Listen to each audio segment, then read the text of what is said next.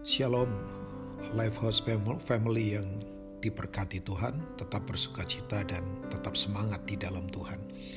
Kalau kita membaca kitab Filipi pasal 2 ayat yang kelima, Alkitab berkata, Hendaklah, katalah itu berarti perintah, kamu dalam hidupmu bersama menaruh pikiran dan perasaan yang terdapat juga dalam Kristus Yesus dalam kehidupan kita as a komunal, ya kehidupan kita bersama, kita harus punya pikiran dan perasaan.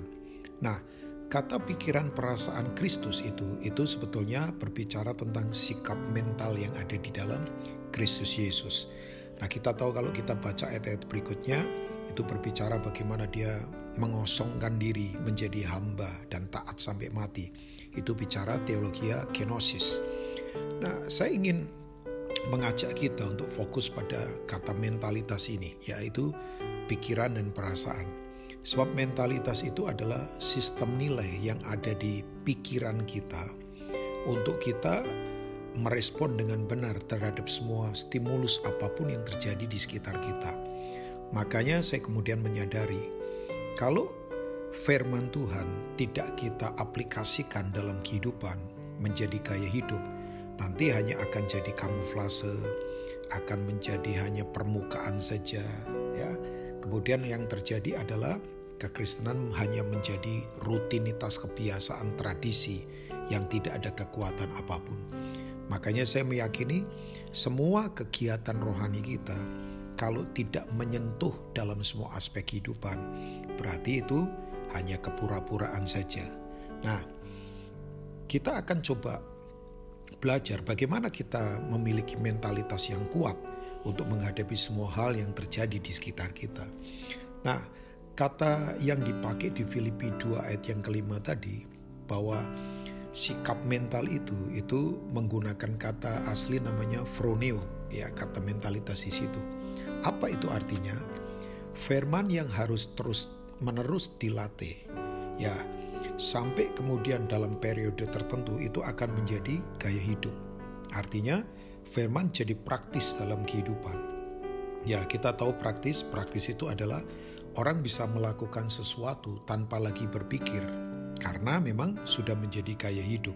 Yaitu namanya namanya praktis. Makanya kalau firman tidak dipraktekkan step by step dalam kehidupan, ya kita tidak akan mahir. Ya, makanya saya percaya ada prinsip yang berkata bahwa kalau orang tidak pernah keluar banyak keringat dalam latihan, makanya dia akan berdarah-darah dan akan mati dalam pertempuran kehidupan.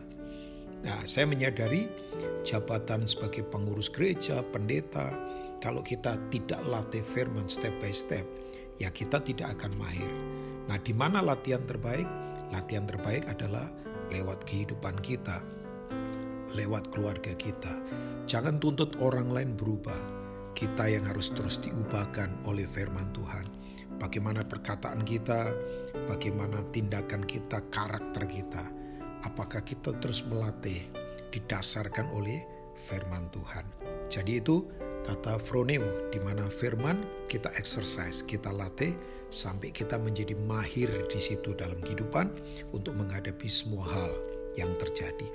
Nah, yang kedua, Kata mentalitas kalau kita lihat di Filipi juga 4 ayat yang ke-8 ya bahwa semua yang benar, semua yang mulia, semua yang adil, semua yang suci, semua yang manis, semua yang disebut kebajikan dan patut untuk dipuji, pikirkanlah semua itu, think on. Nah, kata pikirkan itu mentalitas. Itu memakai kata asli namanya logisomai. Artinya firman kita bank in, kita inventarisasi, ya sesuatu yang penting harus diinventarisasi. Ya misalnya dokumen ataupun surat berharga. Ketika orang mau menyerang kita, ada bukti hukum. Karena memang kita inventarisasi. Nah, firman waktu kita tabung, karena sesuatu yang ditabung itu kan penting banget. Nah, kapan itu dibutuhkan? Ya waktu ditekan untuk ada kebutuhan sesuatu, ada tekanan, itu kita akan keluarkan. Jadi kita tidak mungkin bisa mengeluarkan sesuatu yang tidak pernah kita tabung dalam kehidupan. Nah, saya mengajak mari uh, family uh, Life House Family untuk kita terus merenungkan, menabung firman di dalam hidup kita. Sehingga waktu tekanan terjadi, ya kita akan merespon dengan cara yang benar.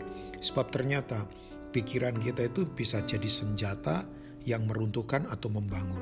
Ya, sebab pikiran kita adalah medan tempur. Atau pikiran kita bisa jadi hutan atau kebun.